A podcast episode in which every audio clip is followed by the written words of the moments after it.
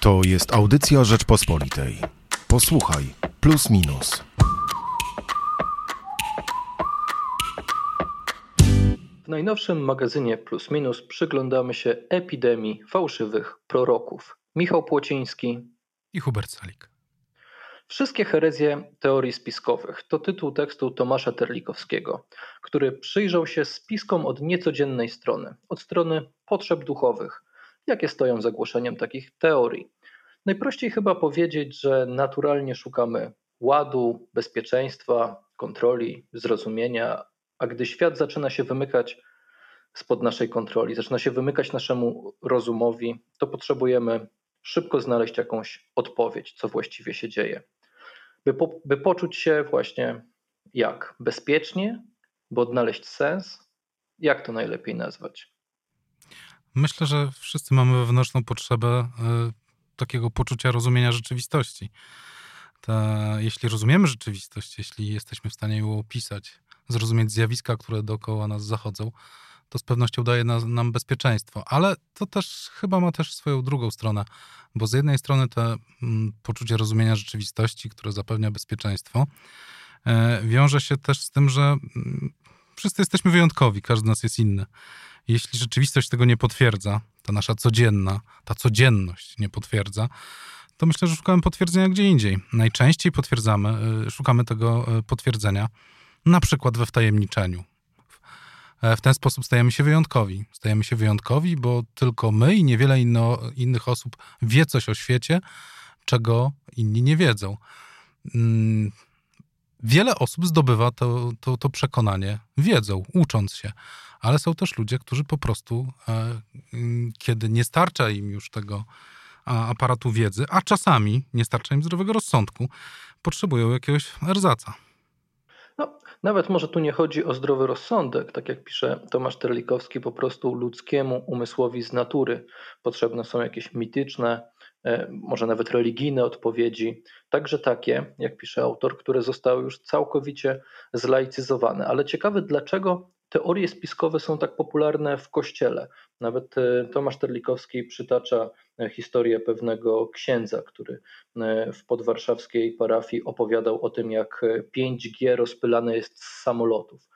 To nie jest wyłącznie problem ludzi, którzy są poza Kościołem katolickim, to nie jest wyłącznie problem ludzi, którzy na przykład borykają się z poszukiwaniem sensu poza wiarą chrześcijańską, bo, bo to, że ateiści szukają ładu w świecie, e, no to wiemy tak naprawdę od, od dekad, że taki ateizm, który, który byłby trudnym ateizmem, który by przyjmował pewien absolutny nieporządek i chaos, on występuje rzadko, taki dzielny ateizm, tak go chyba nazywa e, Tomasz Terlikowski. Ale że to zaczyna trapić Kościół, szczególnie też polski Kościół, e, wydaje się pewnym problemem też, e, jak ta wiara będzie postrzegana, bo ona zaczyna być uważana za przestrzeń wyłącznie emocji, nieustannych, prywatnych objawień.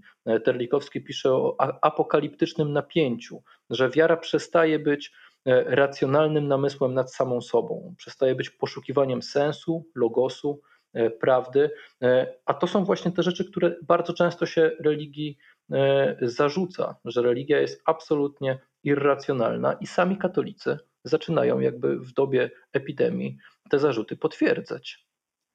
Przy, przywołuję też przykład jednej z encyklik Jana Pawła II, w której E, polski papież mówił o tym, że wiara i rozum to dwa skrzydła, które e, pchają nas do przodu. E, I to nie jest tak, że się wzajemnie wykluczają.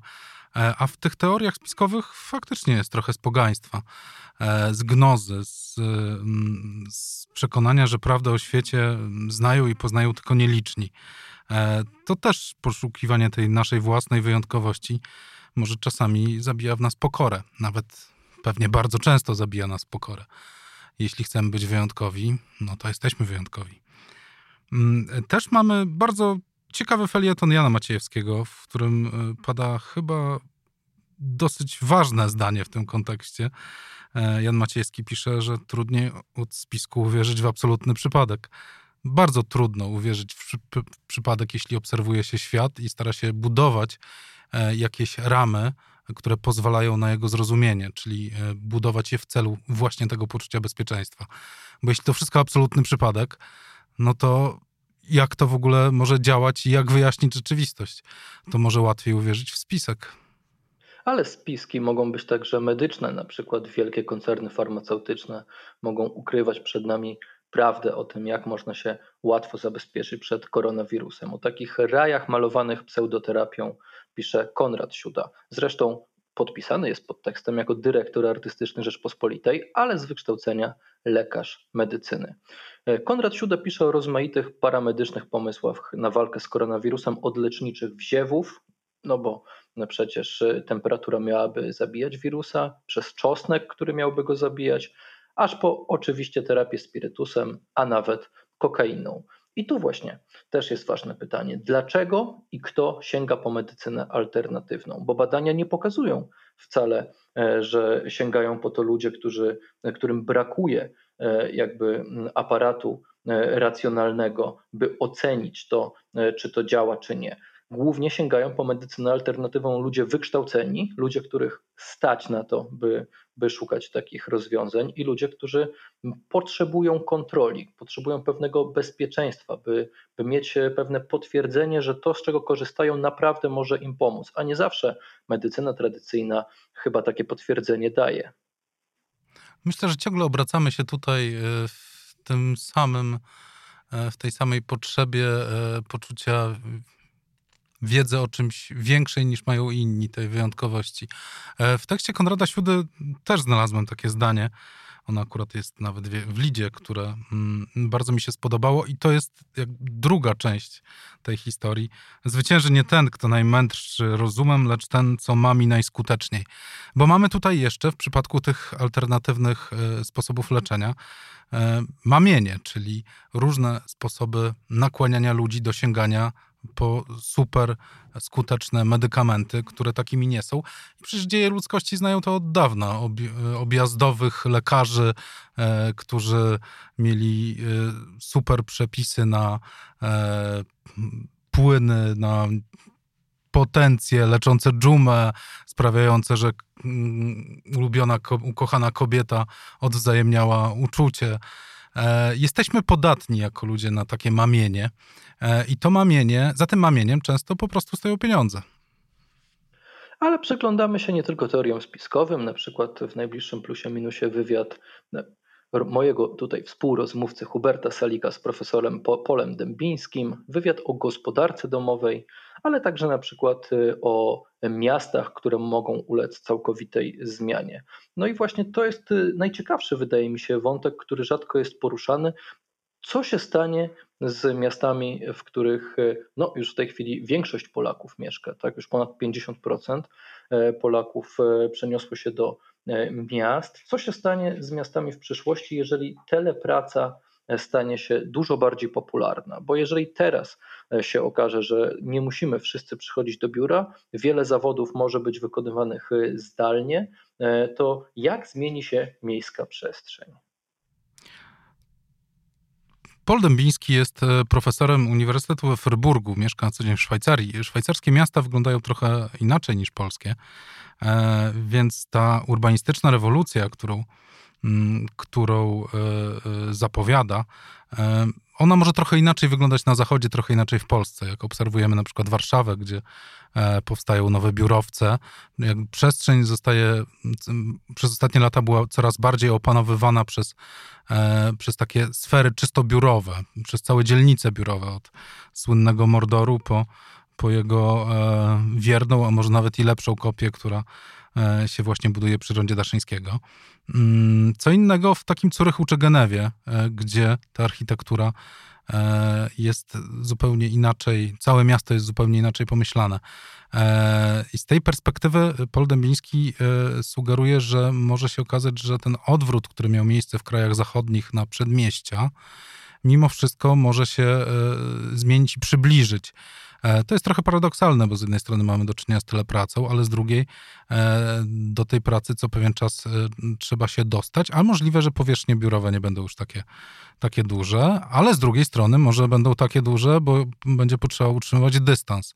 Tak naprawdę nie wiemy, co się zdarzy, ale wiemy, że nasze miasta zostały pomyślane jako takie wielkie ule, przynajmniej te duże metropolie światowe, a Warszawa trochę zaczyna się do nich upodabniać.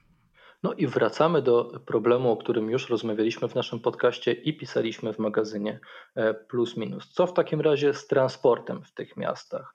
Bo jeżeli w tej chwili trochę transport publiczny e, trzeba ograniczać, na pewno nie może nim podróżować aż tyle ludzi co do, do, do, dotychczas, to w którą iść stronę? Czy iść w stronę na przykład, y, y, by więcej samochodów prywatnych wjeżdżało do centrum, a może na odwrót, tak jak to się dzieje we Francji, czy nawet w Stanach Zjednoczonych, co, co jest w miarę zaskakujące, bo w Stanach Zjednoczonych samochód jednak wciąż jest pewną, no, samochód prywatny wciąż jest świętością, a i tam w wielu miastach rozbudowywane są teraz pasy dla rowerzystów, y, rowerowa infrastruktura, po to, by ludzie przesiadali się z autobusów E, na rowery. Pytanie, czy to też może czekać nas w Warszawie? Możliwe, że czeka nas zupełna dekonstrukcja tego modelu, bo jeśli, jeśli obietnice, które e, składa technologia 5G, która również jest zamieszana w fake newsy, e, to może się okazać, że jeśli bardzo dużo tak zwanych white collars będzie mogło pracować zdalnie, no to tak rozbudowana komunikacja miejska nie będzie potrzebna, E, i tak samo nie będą potrzebne te wszystkie przestrzenie biurowe. E, pytanie brzmi, e, jak tak naprawdę wygląda wydajność? Myślę, że a wydajność jest jakimś ważnym elementem gospodarczym, jeśli chodzi o mm, jeśli chodzi o prognozowanie tego, jak gospodarka będzie się rozwijała, to w dużej mierze zależy od wydajności. I mm, naprawdę nie znamy na to odpowiedzi. Są branże, w których praca zdalna jest możliwa, są branże, w których E, w których będzie bardzo trudna. Ale jeżeli załóżmy, że te biurowce nie będą potrzebne, że znacząca część e, usług, e, które można i prac, które można wykonywać zdalnie, będzie wykonywana zdalnie, to w efekcie może się okazać, że nie będziemy, że niedługo będziemy te biurowce zamieniali w, po prostu w sfery mieszkalne, w budynki mieszkalne to też jest ciekawa perspektywa. No i to też zmieni oczywiście potrzeby transportowe, a także w ogóle potrzeby miejskiej infrastruktury, jeżeli ludzie wrócą do centrów e, miast, szczególnie na zachodzie. Ale mamy też dużo tekstów o Janie Pawle II, bo w poniedziałek w końcu setna rocznica urodzin Karola Wojtyły. Jacek Cieślak pisze o papieżu, który pozostał poetą. Papież Franciszek, mamy fragment książki, wywiadu z Ojcem Świętym, wspomina o dziedzictwie Karola Wojtyły i przyznaje, że on sam też kiedyś był uważany za konserwatystę w kościele. Ale najciekawszy wątek chyba poruszył Bogusław Hrabota w felietonie pod tytułem e, Wojtyła i Wyszyński, czy na nich zasługujemy.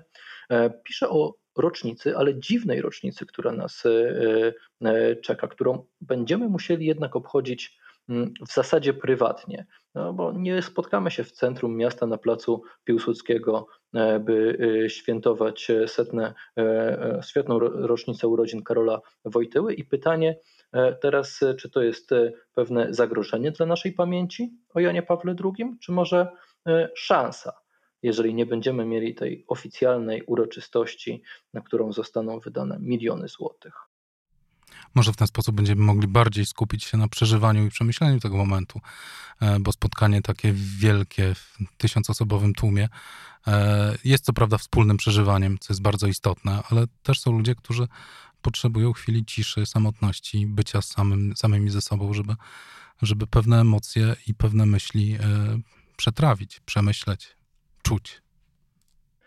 A na deser roboty na boisku. Krzysztof Rawa w znakomitym te y, tekście Sztuczna inteligencja na boisku e, pisze o mm, imprezie, która nazywa się RoboCup. Tak jak y, ro, robotyczny puchar. E, tegoroczny RoboCup miał się odbyć pod koniec marca e, w, we francuskim Bordeaux. Został przełożony z oczywistych względów. Oczywiście roboty nie zarażają się koronawirusem, ale e, do ich obsługi wciąż potrzebna jest bardzo duża ludzka ekipa, a publiczności też e, przybywa. W 24 edycji miało wystartować w pięciu dyscyplinach 3000 robotów i 450 drużyn z, 40, z 45 krajów. A najciekawsze w ogóle w całym tym pomyśle RoboCupu jest e, założenie, które przyjęli naukowcy stojący za RoboCupem. Otóż dążą do tego, by do 2050 roku drużyna złożona wyłącznie z robotów pokonała piłkarskich, ludzkich, dodajmy, mistrzów świata. A to podobno wcale nie jest niewykonalne. E, o ile oglądanie, e, myślę, samych e, robotów na boisku to jest dosyć niszowa zabawa pewnie dla prawdziwych fanów robotyki, o tyle już taki mecz roboty kontra ludzie, myślę, że byłby rozrywką naprawdę dla mas. Oglądałbyś? Mam wątpliwości. Wydaje mi się trochę, że para idzie w gwizdek, ale jeżeli przy okazji, jeżeli przy okazji rozwoju robotyki, nawet przy takim celu, e, którym byłoby stworzenie drużyny, która mogłaby pokonać drużynę złożoną z ludzi, udałoby się e, stworzyć e, roboty tak doskonałe, że można byłoby je wysłać na Marsa zamiast ludzi, żeby tam przygotowały marsjańską bazę, którą później mogliby zasiedlić ludzie.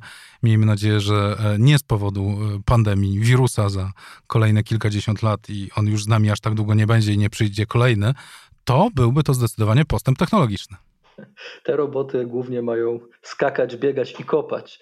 No, myślę, że do zbudowania. Myślę, że na Marsie trzeba kopać. Trzeba będzie dużo kopać, tam jest dużo piasku. Zapraszamy Państwa w takim razie do kiosków i na stronę rp.pl do najnowszego magazynu Plus Minus. Michał Płociński i Hubert Salik oraz czasami w tle pies o imieniu Iwan. To była audycja Rzeczpospolitej. Posłuchaj, plus minus.